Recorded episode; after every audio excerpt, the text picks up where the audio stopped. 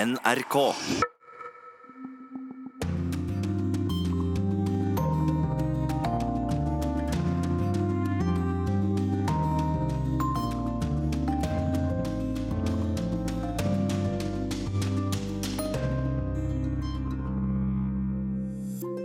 I Tyrkia får fotballstjernen Mesut Özil full støtte for at han boikotter det tyske landslaget for det han mener er rasisme. Mesut Özil'in Alman takımından çıkmasını iyi buluyorum. Ja, det var riktig av ham å trekke seg fra landslaget, for tyske aviser skrev ofte nedsettende om han, sier hun. Den nye statsministeren i Etiopia har satt i gang reformer i stor fart. በጣም በምወደው ሕዝብ ፊት ዝቅ ብዬ ላመሰግናችሁ እፈልጋለሁ። Øyvind Odland, som i halvannet år har jobbet med å få motparter i Etiopia til å snakke sammen, skal oppdatere oss om fenomenet abi. Det er mer enn ti millioner statsløse i verden. Den gruppen som trolig blir mest diskriminert, er rohingyaene i Myanmar, sier FNs generalsekretær. I've no doubt that the Rohingya people has always been one of, if not the most discriminated people in the world. Ikke alle på Island er glad for at Storbritannias rikeste mann, Jim Ratcliffe, er blitt en av Islands største landeiere. Det å være veganer handler også om hva du har på deg. Vi skal høre om et helt nytt europeisk motemerke. It's um, a type of lifestyle um, coming in from uh, foods. Det er en type livsstil, og konseptet er hentet fra mat. Jeg velger materialer som ikke inneholder noen ingredienser fra dyr. Og vi skal møte New Zealands statsminister. Hun er den aller første som har tatt fødselspermisjon mens hun sitter som statsminister. Vel møtt til en knapp time med oss i Urix på lørdag. Korrespondentbrev er postlagt i Beirut.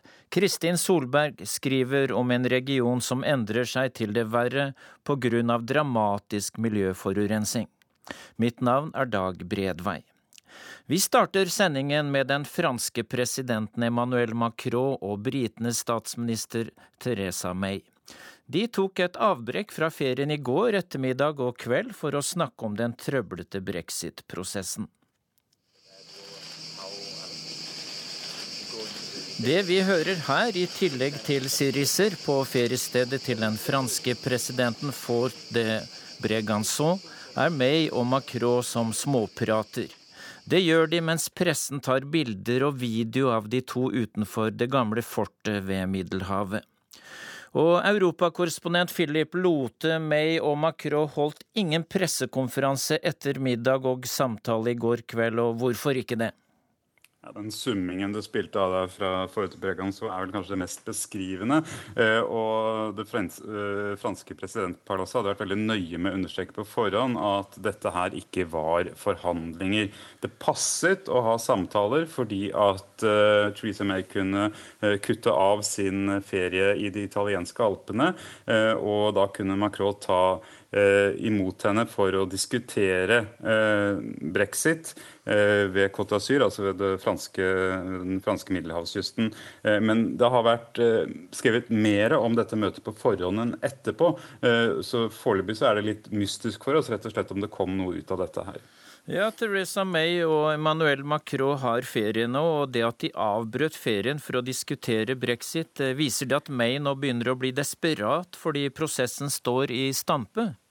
Hun kjemper for brexit-prosessen og får kontroll på den og få den i den retningen hun vil. Og hun kjemper også for sitt eget uh, politiske liv. Og Problemet er jo at hun uh, fikk igjennom et forslag til hvordan britene ser for seg brexit og det fremtidige forholdet til EU uh, på Checkers, altså på det, den britiske statsministerens sommersted tidlig i juli. Det kostet henne to ministre. Utenriksminister Boris Johnson gikk av. Brexit-minister David Davis gikk av.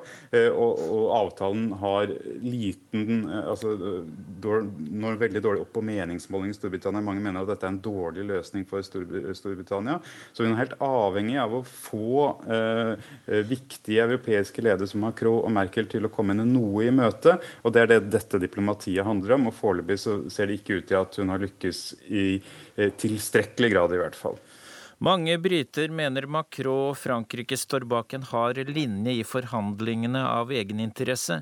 Motivet skal være at Frankrike regner med at internasjonale banker vil flytte fra London til Paris og skape tusener av arbeidsplasser i Frankrike. Og er det noe i det, Philip Lote? Ja, Noe er det jo i det. Altså, hvis Storbritannia går ut av EU, så er det en del arbeidsplasser som uh, uansett skal flyttes. og Det er allerede bestemt at uh, banktilsynet til EU skal flyttes fra London til uh, Paris. Og de ønsker selvfølgelig å tiltrekke seg og gjøre Paris og Frankrike mer attraktivt for internasjonal finansnæring og internasjonale investorer. men samtidig så er det noe litt sånn spesielt ved det som skjer nå. fordi at hele tiden så, Nå reiser britiske ministre og statsministre rundt og forteller Tyskland og Frankrike at det er i deres egeninteresse å lytte til og se nøye på forslagene eh, de har lagt frem, at dette vil være godt for begge parter. Eh, men eh, hvis Frankrike hadde ment at noe annet enn EUs felleslinje var det beste for dem, så hadde jo et såpass stort og mektig land som Frankrike faktisk gjort noe med det i forhold til Brussel. Og beskjeden fra Paris nå er at det er EU-kommisjonen og Michel Barnier som forhandler på vegne av EU og medlemslandene, og ikke de enkelte hovedstedene. Takk skal du ha, Philip Lote, direkte med fra Brussel.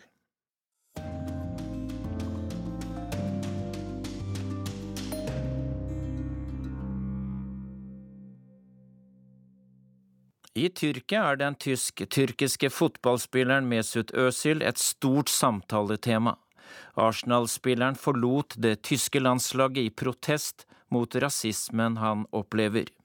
Jeg er tysk når vi vinner, men en innvandrer når vi taper, sier han. Uroen rundt landslagsspilleren tok av etter at han stilte opp på et bilde med president Erdogan. Det hele var over på bare 40 sekunder. En billedseanse som skulle sette livet på hodet for to profesjonelle fotballspillere. Ilkay Gundogan og Mesut Özil stiller seg ved siden av Tyrkias president. Smilende viser de frem fotballtrøyene sine sammen med Recep Tayyip Erdogan, som også var fotballspiller i sin ungdom. Gundogan har til og med skrevet 'Min president' på drakten sin. Og så begynte elevene. Gundogan og Özil har tyrkisk bakgrunn, men er født i Tyskland. De spiller for Manchester City og Arsenal, men også for det tyske landslaget. Men hvorfor stilte de opp på et bilde med Erdogan? Attpåtil mens han drev valgkamp. Og det rett før fotball-VM i Russland, der de to skulle spille for Tyskland. Fotballfans, politikere og andre raste på Twitter, Facebook og fotballtribunene. Gundogan fortalte raskt at ja, han har vokst opp i Vest-Tyskland, men han har også sterke bånd til Tyrkia. Men det er Steinmeier som er min president, og Angela Merkel som er min kansler. Selvsagt er det det, forsikret han om. Men fra Özil var det taust lenge til han fyrte av tre fyldige meldinger på Twitter etter at Tyskland ikke gjorde det særlig bra under fotball-VM. Da hadde han fått nok av alt. I den tyske fotballpresidentens og hans tilhengeres øyne er jeg tysk når vi vinner, men innvandrer når vi taper, skrev han. Jeg føler meg uønsket og mener at alt jeg har oppnådd siden min internasjonale spillerdebut i 2009, er glemt.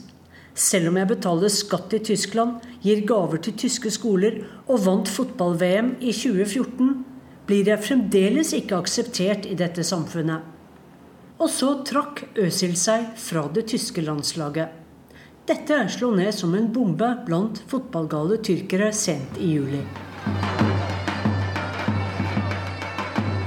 I nabolaget Besjiktas i Istanbul girer fotballfans seg opp til nok en kamp. På kafeene rundt den berømte Besjiktas-ørnen, lagets symbol, er også tyrkisk-tyske Øsil tema.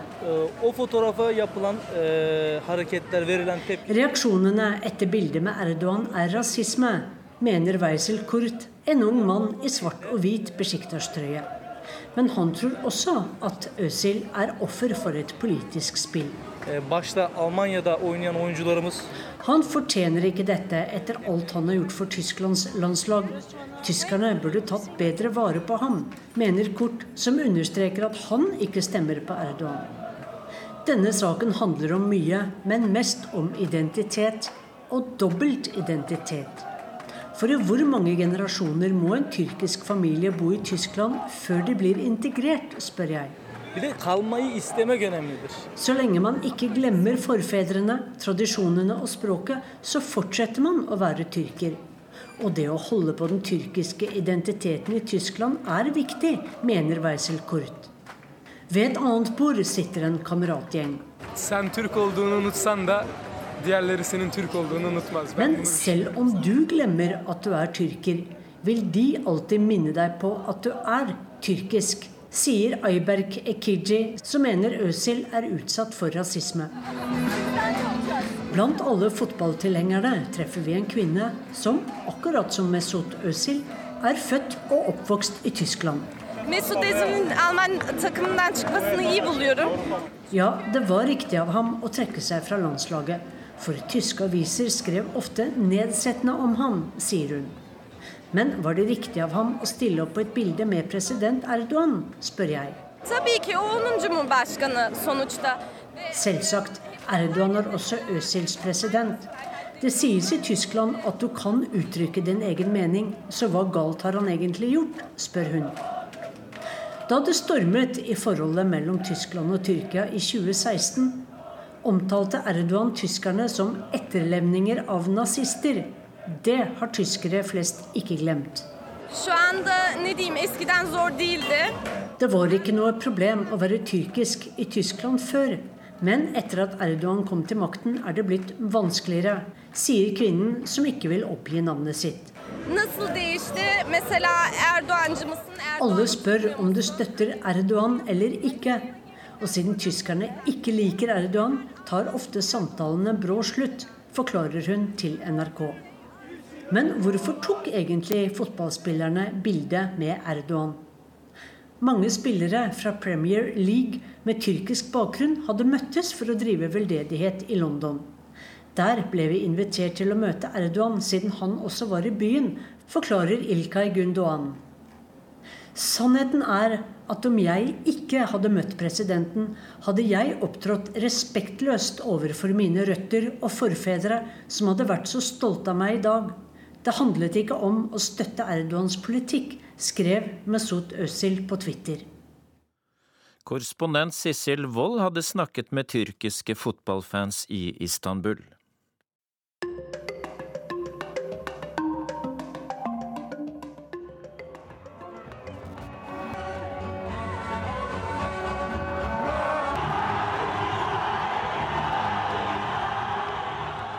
Det vi hører her, er sang, dans og jubel i Addis Abeba i Etiopia for snart en måned siden. Anledningen var at landets nye statsminister Abiy Ahmed hadde besøk av Eritreas president Isayas Afeworki, noe som ville vært utenkelig for få uker siden. Det har vært en isfront mellom landene i 20 år. Nå har de to lederne inngått en fredsavtale. Dette er en av mange initiativ den nye statsministeren i Etiopia står bak. Landet på Afrikas Horn var preget av unntakstilstand etter voldsomme demonstrasjoner i 2016. Mange fryktet at det kunne bryte ut borgerkrig. Valget på, av ny og reformvennlig statsminister ser ut til å ha vært et lykketreff for innbyggerne i Etiopia. Men under overflaten er landet preget av motsetninger. Og Øyvind Odland, du er med oss fra studio i Kristiansand. Mange kjenner deg fra tiden som generalsekretær i Strømstiftelsen. Du er nettopp kommet tilbake fra Etiopia, der du i halvannet år har jobbet med nasjonsbygging i landet som du kjenner svært godt. Og først, Odland, hvordan vil du beskrive den nye statsministeren i Etiopia? Den nye statsministeren i Etiopia er ung, velutdannet og kanskje også en representant for en ny generasjon afrikanske politikere. Han opptrer på en helt, helt ny måte, og det skaper utrolige utfordringer. Men han er en fantastisk folketaler og eh, har en kjempeappell, særlig populistisk blant den jevne etioper. Hvorfor er han som person blitt en så viktig faktor for eh, stabilitet i Etiopia? For det første så tror jeg det at han ved at han er ung, på en måte har en større nærhet til 70% av Etiopias befolkning er unge mennesker. Han kommer også fra den største folkegruppen Oromo, som aldri har hatt reell eh, delaktighet i makteliten i Etiopia. Så det gir han plutselig et eh, veldig momentum som leder. Ja, De voldsomme demonstrasjonene de siste årene har vært dominert av ungdom fra den største folkegruppen som du nevner, Oromo. Og Hvor avgjørende er det at landet for første gang har en statsminister som selv er Oromo? Jeg tror at eh, det hele tiden har vært et utrolig press ifra det som er Etiopias største folkegruppe, å ha en mer tydelig plass i maktsentrumet. Eh, de er spredt i store områder i landet. Og det å på mange måter opplever kanskje å vært tilsidesatt eller underlagt andre etniske grupper, har skapt en utrolig selvbevissthet. Så det er få folkegrupper i Etiopia som over gjennom flere år har dyrket en slik selvbevissthet som nettopp oromofolket. Statsminister Abiy er en stor retoriker, og vi skal høre et lite utdrag der han snakker om at tiden er inne for fred, forsoning og tilgivelse. ከጠብ ይልቅ ሰላም፣ ከጥላቻ ይልቅ ፍቅር፣ ከቁርሾ ይልቅ ይቅርታ፣ ከመገፋፋት ይልቅ መሳሳብ ስለመረጣችሁ በጣም በምወደው ሕዝብ ፊት ዝቅ ብዬ ላመሰግናችሁ እፈልጋለሁ። Oddland, du har hørt flere av talene hans, og hvordan vil du karakterisere de, og er talene hans en samlende kraft i landet? Han er en utrolig god retoriker. Og på folkemunne så sier ofte etioperne nå at han har i hvert fall bestått en muntlig eksamen. Eh, så blir det jo mer spennende eh, hvordan dette følges opp. Men han, han taler med veldig verdiladede ord. Han snakker om forsoning, han snakker om samarbeid, han snakker om fellesskap. Og så understreker han noe som har blitt et slagord for han, Ethiopia with net, som beskriver enheten i det å være etioper i et land med et mangfold og hvor eh, det er store etniske motsetninger. Så det å være etioper først, og så nedtone det etniske, det er et slagord i Etiopia in net som man bruker svært mye. Den nye statsministeren Abiy er utålmodig. Han går veldig fort fram i sin reformiver. Han satte fri politiske fanger, han står bak fredsavtalen med Eritrea, og han sier han ønsker flerpartidemokrati i landet. Er det en fare for at han går eh, for fort fram, Odland? Når han ble utnevnt som statsminister, så ble det sagt i internasjonale medier at nå må han handle raskt. Han må gjøre noen reformer som viser at han vil ikke bare kosmetiske endringer, men at han vil en grunnleggende forskjell. Og mange av disse tingene, som det å oppheve unntakstilstanden, det å eh, frigi fanger, det å etablere fred i regionen, og så ikke minst åpne opp i mediene, det var ting som på en måte ble satt der som en, eh, som en test. Og Abiy har levert på veldig mange av disse punktene veldig raskt. Men det er klart at når ting skjer så fort, så får du også motkrefter som kan virke destabiliserende. Og Etiopia er et land som eh, tradisjonelt ikke har bygget opp institusjoner, sivilsamfunn, dette som på en måte kan ha en sånn kontrollerende eh, balanse. Og Det gjør at mange ting er veldig sårbart når så store reformer skjer raskt, og hvor spørsmålet om prosessene fram mot beslutningene er gjort riktig. Så ja, dette er en handlingens mann. Men det er også spennende å se hvordan dette langsiktig vil kunne institusjonaliseres. Eh, litt om din rolle, Øyvind Odland. Du var generalsekretær i Strømmestiftelsen, og du gikk eh, brått av. Og Fedrelandsvenn skriver at du i halvannet år har hatt et hemmelig oppdrag i Etiopia. Og hva går det ut på? Ja, hemmelige oppdrag. Det vi har arbeidet med har ikke vært hemmelig i forhold til etiopiske myndigheter, men eh, i Norge så eh, ville vi ikke snakke for åpent og høyt om hva vi gjorde, fordi det hadde en viss sensitivitet. Men Norge har etablert et veldig godt forhold til Etiopia på mange måter. Og i ly av det gode forholdet så er det også mulighet for å kunne jobbe med de litt myke verdiene. Det å sette eh, søkelys på demokrati og menneskerettigheter eh, når man har et godt forhold, det eh, lar seg gjøre.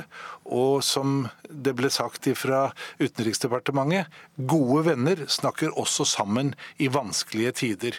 Så jeg har fått vært en del av et team som har hatt en katalysatorfunksjon med å prøve å samle så mange deler av det etiopiske samfunn til en konstruktiv samtale om hvordan bygge nasjonen Etiopia. Og det har vi jobbet med, med støtte fra Utenriksdepartementet. Og så kom jo på en måte en vind som blåste i samme retning. Og forhåpentligvis har vi fått vært en liten brikke i en positiv utvikling mot noe vi håper skal bli et liberalt demokrati med respekt for menneskerettigheter og med frie medier. Ja, Du sier til Fedrelandsvenn at vinden blåser vår vei, men at vi ikke skal ta æren for det. Men kan Norge ta litt av æren for at det skjer positive endringer i Etiopia akkurat nå?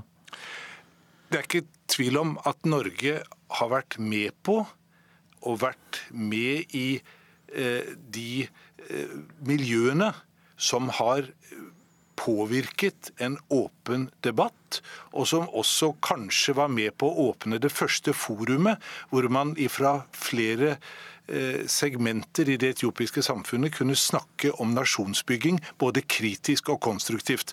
Og Det ble publisert i etiopiske massemedier, og der var Norge en av de aktive initiativtakerne. Tusen takk skal du ha, Øyvind Odland.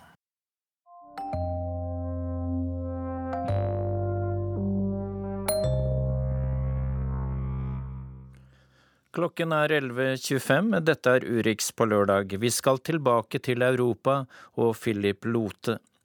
I hovedsak god vekst og større optimisme og lavere ledighet har ført til økt aktivitet og flere nye bedrifter i flere land som bruker EUs fellesvaluta euroen. Anne Lise Lambert er en av de som tok sjansen. Hun valgte å si opp jobben og starte sitt eget lille motehus. Kvinnen fra Belgias designhovedstad Antwerpen har som mål å få europeere til å bli veganere, også i klesveien. Like Jeg retter meg mot unge, aktive og urbane jenter. Det handler om å gjøre det å velge vegan mindre sært, forteller Annelise Lambert. Mens hun holder opp en sportstopp laget av resirkulert nylon fra brukte fiskegarn. There is a lot of uh, nylon uh, waste in, uh, in the oceans, and it's just like uh, det er mye plast som flyter i havet. I mine klær bruker jeg ikke jomfruplast eller ny bomull, forklarer hun, mens hun legger frem andre produkter på bordet foran henne sweater from uh, eucalyptus. Det er kun noen måneder siden Lambert lanserte sitt eget motemerke, Go As You Are.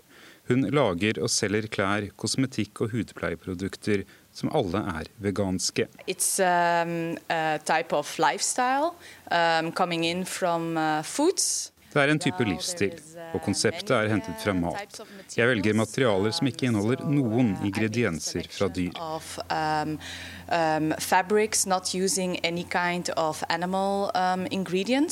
Dette utelukker skinn, pels, ull og silke.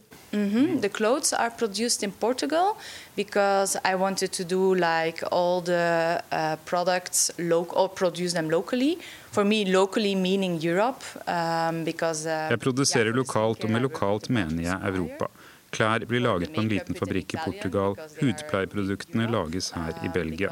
Sminke er noe de kan i Italia, så kosmetikk produserer jeg der.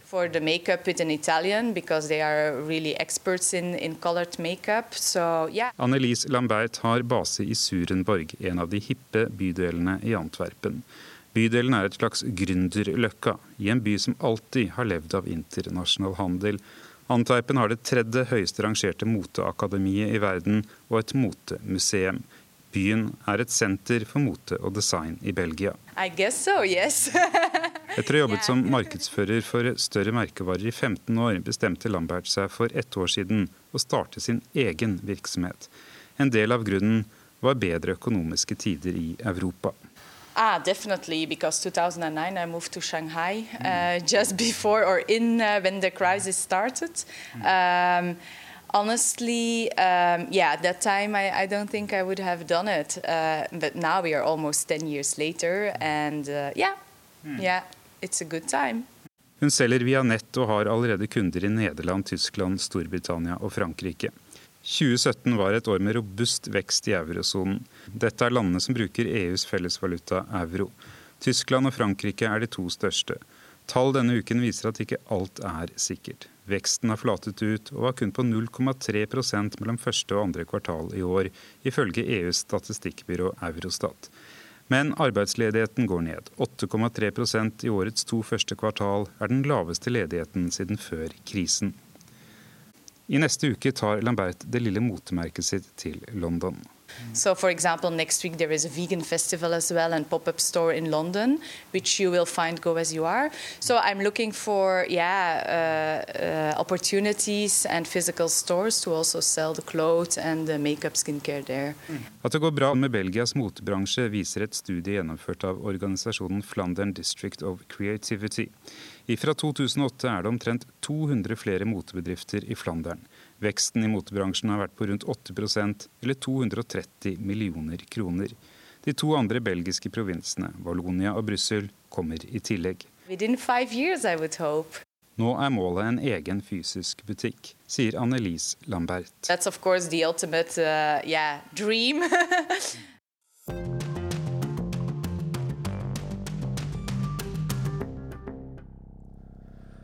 Vi tar et langt sprang. New Zealand har skiftet statsminister denne uka, men ikke helt på den vanlige måten. Statsministeren er nemlig tilbake som landets leder etter seks uker i fødselspermisjon. Hun er bare den andre valgte lederen i verdenshistorien som har født et barn mens hun sitter ved makta, og hun er den aller første som har tatt fødselspermisjon. Tore Moland har laget denne reportasjen. Just doing a little bit of uh, rocking here as I read, as I read papers, multitasking like um, every single parent I've ever met. Midt oppi en haug med politiske sakspapirer sitter Jacinda Ardern og rugger et spedbarn i ei vogge. Videoen la hun selv ut på Facebook denne uka, før hun skulle tilbake på jobb som New Zealands statsminister.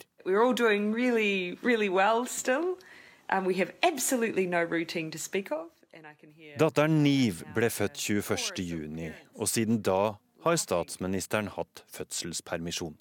How have the last six weeks been? Oh, they have been the fastest six weeks of my life. That was one of the things that um, I was. Dette har vært de seks ukene i mitt liv som har gått fortest, men det har vært vidunderlig, sier Jacinda Ardern i et intervju med Nyselandsk fjernsyn.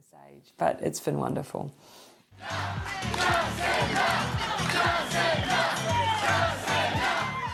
Da det politiske stjerneskuddet vant valget og stabla på beina en koalisjonsregjering i fjor høst, bare 37 år gammel, tok det ikke lang tid før spørsmålene kom om hun ikke skulle ha barn. Hun svarte med ettertrykk. For me, no, because I opened myself up to it. But For other women, it is totally unacceptable in 2017 to say that women should have to answer that question in the workplace. I januar i år kom så nyheten om at hun og partneren Clark Gayford venta barn til sommeren. Og nå i juni ble datteren født. It's a real pleasure to introduce our little one to you all um, and to New Zealand. And we thought we'd start by uh, sharing for the first time beyond our family um, the name that we've chosen for our little girl, um, which is Neve Tiaraha Ardun Gayford, or Neve Gayford for short. Dette var bare andre gang i historien at en valgt politisk leder fødte et barn mens hun selv satt ved makta. Den første var statsminister Benazir Bhutto i Pakistan i 1990, men hun holdt langt på vei både svangerskapet og fødselen hemmelig for omverdenen. It's, it's not our normal yet. But one day it will be. Uh, I'm just perhaps the amongst some of the first who are doing something that hasn't been done very often. But one day it will be normal. Jeg er klar over at jeg er blant de første som gjør dette. Men en dag kommer det til å være helt vanlig, sier Jacinda Ardern selv til TVNC. Styringa av landet har hun den siste halvannen måneden overlatt til koalisjonspartneren Winston Peters fra partiet New Zealand First. I feel like I've been gifted um, by the New Zealand public, by my team, and uh, with the help of the acting prime minister. Uh, jeg er takknemlig for all hjelp og støtte, men nå er jeg ivrig etter å komme tilbake på jobb, sier Jacinda Ardern. I'm really, um, I'm, I'm very keen to get back to work. Men hva så med barnet? Jo, det skal far ta seg av. Clark Gayford er egentlig programleder for et TV-show om fisking. Well, we, we weighed it up between us and decided that, you know, her job was possibly slightly more important. Vi fant ut at jobben hennes var viktigere enn jobben min akkurat nå, sier Gayford til BBC Radio. Hjemme i stua i Auckland stiller han opp på familiebilder, der han holder kaffekoppen, mens mor statsminister holder babyen. All right, everyone. Looking forward to seeing you all again soon. Really nice to touch base. Have a wonderful afternoon.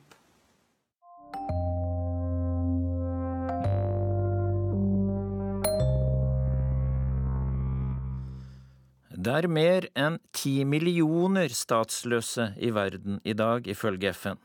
Statsløse mangler statsborgerskap eller nasjonalitet, og dermed menneskerettighetene som følger med. FNs høykommissær for flyktninger vil få slutt på statsløshet innen 2024, et mål som kan bli svært vanskelig å nå.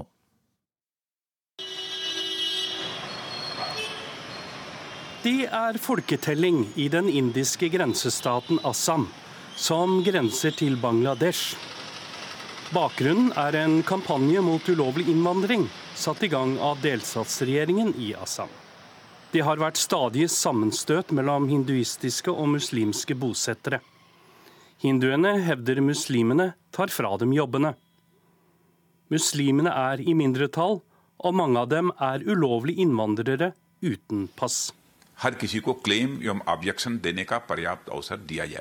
Av de over 32 millioner menneskene som sendte inn dokumenter for å bevise sitt statsborgerskap, manglet navnene på over 4 millioner, forteller den indiske folketellingskommisjonæren Sailash. Nå er bengalstalende muslimer bekymret for å bli sendt til interneringsleir eller deportert, og går en svært usikker framtid i møte. Yes, Rohingya, not Bengali. Yes, Rohingya, not Bengali. Yes, Rohingya. Det landet i verden med flest statsløse personer er Myanmar som har ca. 1 million statsløse innbyggere av den etniske gruppen rohingya. Andre land med høyt antall statsløse er Elfenbenskysten, Kuwait, Syria, Nepal, Irak og Den dominikanske republikk. Tidligere i sommer besøkte FNs generalsekretær Antonio Guterres de mange rohingya-flyktningene i Bangladesh. I've no doubt that the Rohingya people has always been one of, if not the most discriminated people in the world. Han sa rohingya-folket trolig er det mest diskriminerte folk i verden blant de statsløse. Det er myndighetene i hjemlandet Myanmar som anerkjenner denne folkegruppa, sa generalsekretæren. Starting by the recognition of the right of citizenship by their own country, Myanmar. Det håpet deler også en av de mange som bor i flyktningleirene i Bangladesh. Abdur Rahim.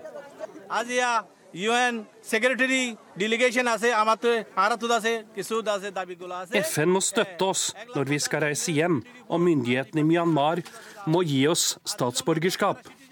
Vi ønsker fri bevegelse, religiøs frihet og skolegang for våre barn. FN har altså som mål at ingen skal være statsløse etter 2024, og har derfor startet den globale kampanjen I Belong. Et mål som ble satt for fire år siden. Intensjonen til tross, så langt er det blitt flere statsløse i verden. Ti millioner er trolig et lavt anslag. Det viser bl.a. den siste folketellingen i Assam i India. Ifølge indiske myndigheter skal alle få en sjanse, sier landets innenriksminister Raunat Singh.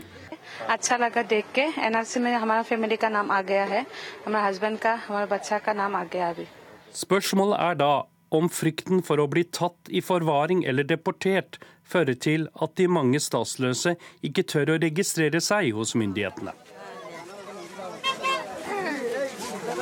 Tilbake i flyktningleiren i Bangladesh uttrykker sjefen for Verdensbanken, Jim Yong Kim, det store deler av verden mener om statsløshet. Right to uh, Vi tror at alle mennesker har rett til utdanning, tilgang til helseforsikring og tilgang til et liv i frihet. Her har vi hørt hjerteskjærende historier om disse menneskene, som bare prøver å leve sitt liv i Rakhine i Myanmar. Reporter her, Eirik Berg. Og Sadik Kvesi Boateng, du har bakgrunn fra Statistisk sentralbyrå, FN og Flyktninghjelpens beredskapsstyrke. Og senest var du i Elfenbenskysten og jobbet med statsløse, og du har også arbeidet i Kenya og Myanmar. Du kommer opprinnelig fra Ghana. Hva var det som gjorde deg opptatt av de statløses situasjon? Eh, Som ble nevnt tidligere her, så har fått mulighet, fikk jo mulighet til å jobbe med flyktninger, internt fordrevne, eh, i FN, eh, i den eh, FN-kommissær for flyktninger. Og blant alle disse gruppene som de har ansvar for, så fant ut veldig fort at de som er glemt, er de som ikke har noe statsborgerskap i det hele tatt i noe land. De, jo, de har ikke noe dokumentasjon, og deres situasjon er meget alvorlig. FN har altså registrert over ti millioner statsløse, og hvor reelt er det tallet, tror du? Eh, De ti millionene er jo det minste estimatet som brukes av FN. Så tallet kan være langt høyere? det betyr realitet at det, ja, eh, det er mest sannsynlig at tallet er høyere enn det estimatet som brukes i dag. Hvordan jobbet du konkret for å hjelpe de statsløse der du hadde feltarbeid? Eh, Det er flere måter å, be, å, å håndtere denne saken på. Eh, I det første å kartlegge omfanget. Prøve å finne hvor mange de er, og så hvordan er deres situasjon. Så det, det første er eh, å prøve å finne disse folkene som er statsløse. Og så går vi videre med å skrive en del rapporter og bistå med myndighetene for å og i det første endre en del lover for å, å gi sjanse til eh, de som har ikke eh, statsborgerskap for å få det. Samtidig så er det fødselsregistrering, at alle barn som er født i landet, får mulighet til å bli registrert og få fødselsattest, som er det første steget. Så det er flere måter å håndtere det her på, men det begynner med å kartlegge. Det vil si tallene. Vi hørte i reportasjen til Eirik Berg at FNs generalsekretær sier at blant de statsløse så er det rohingyaene i Myanmar som blir mest diskriminert. Du har hatt feltarbeid i Myanmar, og hvordan vil du beskrive situasjonen der? Eh, I Myanmar så er det eh, Det var jo veldig vanskelig fra før, og nå er det verre enn enn den tida var i 2014. Eh, alle statsløse har jo en del problemer. Eh, for det første så kan de ikke bevege seg helt fritt. Eh, de har jo de har begrenset tilgang til alle sosiale goder som alle andre har. Helse, utdanning, jobb osv. Men i tillegg da, så er det rohingya-folkene i Myanmar hadde en bestemt område de kunne være, og det var veldig vanskelig for dem å flytte fra sted til sted.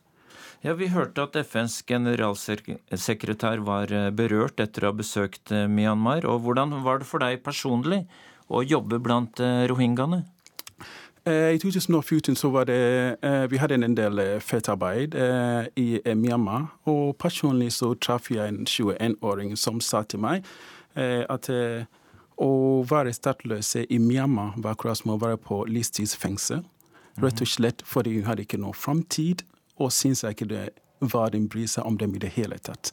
Så når man møter folk på så personlig plan sånn, så gjør veldig store inntrykk på meg. FN har som mål at verden skal da ikke ha statsløse innen utgangen av 2024. Er det realistisk, Boateng? Eh, vi kan jo si at det er en veldig ambisiøs plan for 2024. Eh, Men alt som har skjedd med den I Belong-kampanjen som eh, FN-kommissær for flytting har satt i gang, så mener vi at eh, vi kommer ikke til å klare med alle tilfeller, men vi kommer til å komme veldig langt med hvis alle land er med på lasset.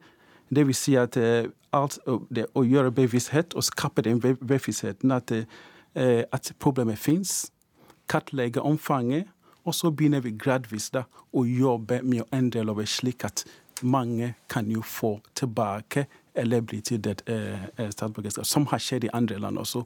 Makonde-folket f.eks. i Kenya har jo kjempet veldig mye, og nå har de fått lov til å være statsborger i Kenya. Takk skal du ha, Sadik Kvesi Boateng, for at du kom hit til Urix på lørdag.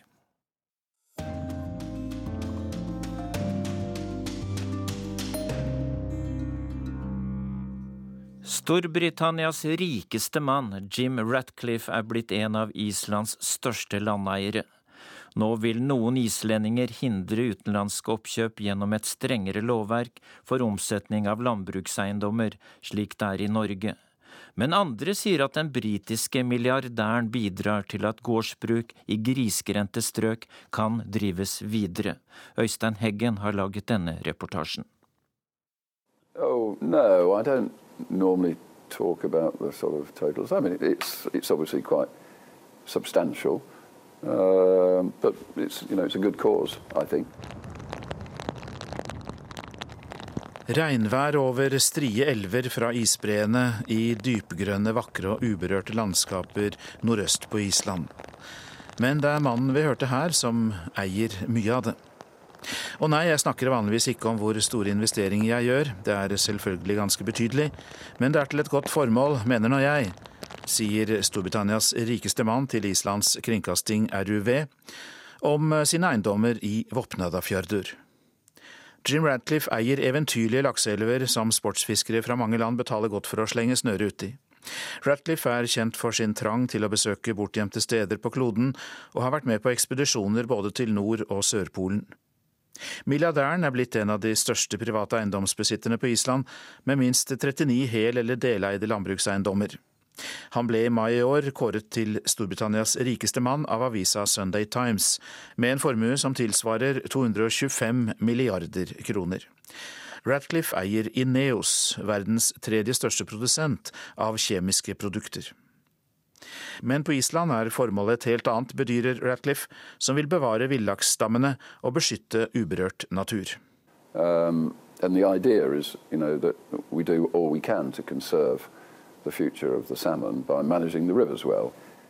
Det er delte oppfatninger om Ratcliffe på Island.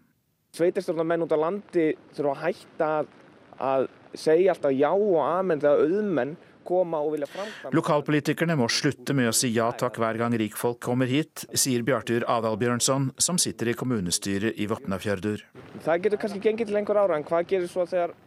Det kan kanskje fungere i noen år, men hva skjer når arvingene overtar? Hva vil de gjøre med dette området, spør lokalpolitikeren. Andre, en av dem som forpakter et gardsbruk for den rike briten, har en annen oppfatning. Det er veldig risikabelt å kjøpe egen landbrukseiendom nå. Rentene som skal betjenes er høye, sier sauebonde Ørvar Mar Jonsson. Det er alt annet det du þarfst å være med avborgerne av, av 50-80 millioner. Det er mye enklere å rusle inn på en eiendom som denne og drive den uten å bekymre seg over økonomien, sier forpakteren. Han sier at Ratcliffe krever en lav leie og tilbyr en godt vedlikeholdt eiendom. En annen bonde nordøst på Island vil derimot stanse alle utenlandske oppkjøp. Ævar Ravn Marnosson sier han to til tre ganger i året blir spurt om å selge. Að vera í raun og veru að sækja á okkur hverju ári tvisvar til þrisvar sinnum og jável oftar.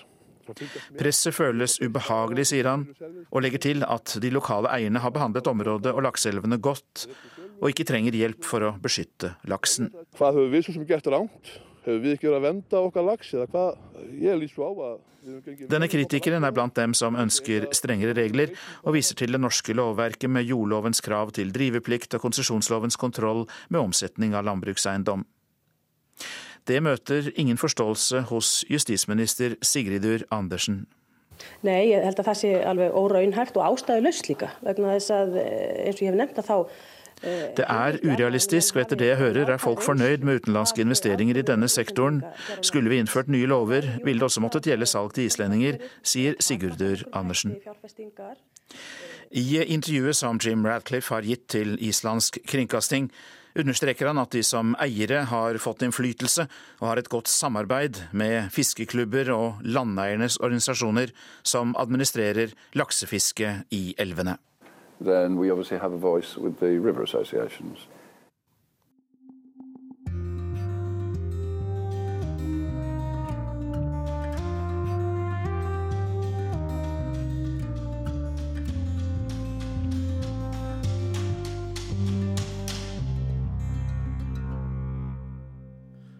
Det er tid for å åpne ukens korrespondentbrev, og det er postlagt i Beirut. Kristin Solberg skriver at regionen er i endring til det verre av en dramatisk miljøforurensing de siste årene. Det sto en artikkel i avisen her om dagen. Den fikk egentlig ikke oppmerksomheten den fortjente. Den slo fast at det ikke var trygt å bade noe sted i landet. Langs hele middelhavskysten, fra steinstrendene i nord til sandstrendene i sør, overalt er vannet fullt av alt det det ikke skal være fullt av. Helseskadelige stoffer og bakterier fra avfall, kloakk, industrielt utslipp og forurensning generelt. Aktivister sa til avisen at det var stadig flere som kom ut av vannet med utslett eller infeksjoner. Eksperter sa de for lengst selv hadde sluttet å svømme. Jeg var på stranda da jeg leste artikkelen. Jeg hadde reist så langt sør i landet som jeg kom, så langt unna hovedstaden som mulig, for alle vet at man ikke burde bade der, det har man snakket om i så mange år at man tar det for gitt. Nå viste det seg altså etter to timer i en het blikkboks i kø at selv ikke der, der vannet var så blått, stranda så hvit, lufta så varm, kunne jeg trygt legge kroppen i vann. Libaneserne rundt meg svømte. Kanskje skyldes det den samme mentaliteten som gjorde at folk festet i barene i Beirut under krigen. De lever på grensen, disse folkene, lar seg ikke stanse av at noe kanskje er farlig. Så jeg vasset uti selv. Det fløt plastrester forbi, de festet seg til huden min. Jeg forsøkte å sparke dem bort, men en plastpose omfavnet leggene mine. Jeg ble ikke lenge. Det skjer noe i verden. Det er ingen nyhet, men det er skjedd så raskt at jeg har sett det skje der jeg har bodd, jobbet og pustet i noen av de mest forurensede delene av verden. Det er stedene som er blodrøde på kartene til internasjonale helsemyndigheter, eller når globale studier offentliggjøres. Forurensningen her har begynt å dominere vannet, luften og jorda. Det er blitt tydelig bare på de tolv årene jeg har levd i Midtøsten og Asia, lenge i mitt liv, men ikke på noen måte i klodens. Mens jeg har rapportert om bomber og kuler og mennesker drept i terrorangrep og krig, har land og byer jeg har kjent, endret seg. Noen ganger lurer jeg på om jeg ikke heller burde ha rapportert om dette.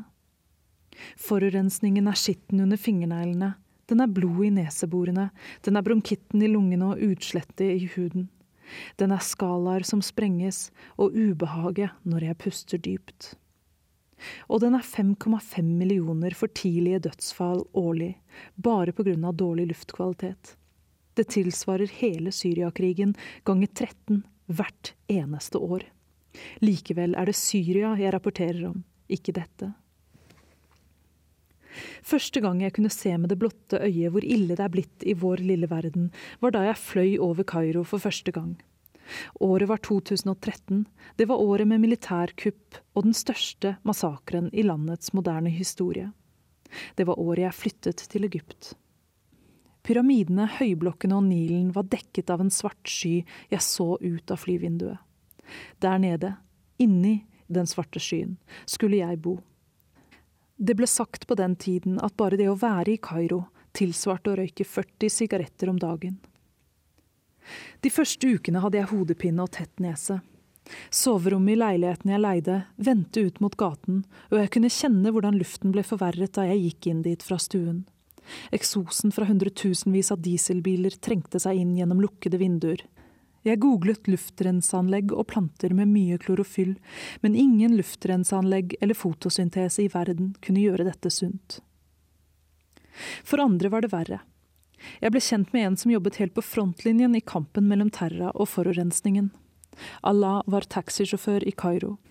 Han var i 20-årene, hadde en universitetsutdannelse, en bachelorgrad i regnskapsføring, men fikk ingen jobb, for han kjente ikke de rette folkene i et land der slikt er viktig. Han sa han gråt de første dagene på jobb i sin gule bil, tårer av skuffelse, av tapte drømmer. Da jeg kjente ham, hadde han forsonet seg med jobben og trafikken, lot seg ikke lenger irritere av tutingen, ble ikke rastløs av den evige køen.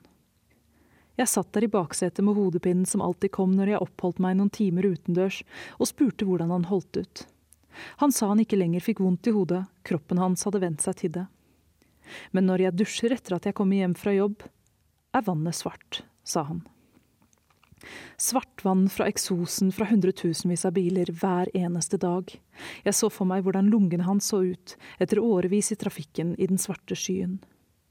Hva gjør slikt med et liv? Blir han ett år en av de 5,5 millionene som dør for tidlig av luftforurensning? Blir jeg? Hvor er egentlig overskriftene om dette? Jeg spurte mange som hadde bodd i Kairo lenge, når den kom, den svarte skyen. Men den kom så gradvis at ingen kunne sette en dato.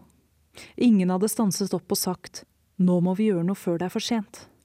Og så, plutselig, var den der. Det lå en dyne over en annen by jeg en gang kjente, men ikke kjente igjen. Det er slik jeg vil forklare det. Mens Kairos forurensning var en sky, var Delhis en dyne. En sky kan man puste gjennom, selv om den er aldri så svart. Men under en dyne er det vanskelig bare å puste. Året var 2016, og det var tre år siden sist jeg var i Delhi. På den korte, korte tiden var forurensningen gått fra merkbar til uholdbar. Alt var blitt grått, som om man så byen gjennom dystopiske linser. Etter fem dager kunne jeg for øvrig ikke lenger bruke linser. Forurensningen hadde klemt seg inn mellom øyet og linsen og ført til infeksjon. På få år var Delhi blitt verdens aller mest forurensede by. De som måler de skadelige partiklene i luften, PM 2,5, sier grensen bør gå ved 25 eller 35 mikrogram. Vinteren 2016 var tallet godt over 400 i Delhi. Jeg holdt meg i ro. De som har greie på sånt, sa at trening er helseskadelig når nivåene er så høye, så skadelig at det kansellerer all gevinst ved å trene, og vel så det. Jeg forsøkte å puste med nesen, la nesehårene gjøre jobben sin og filtrere ut møkka.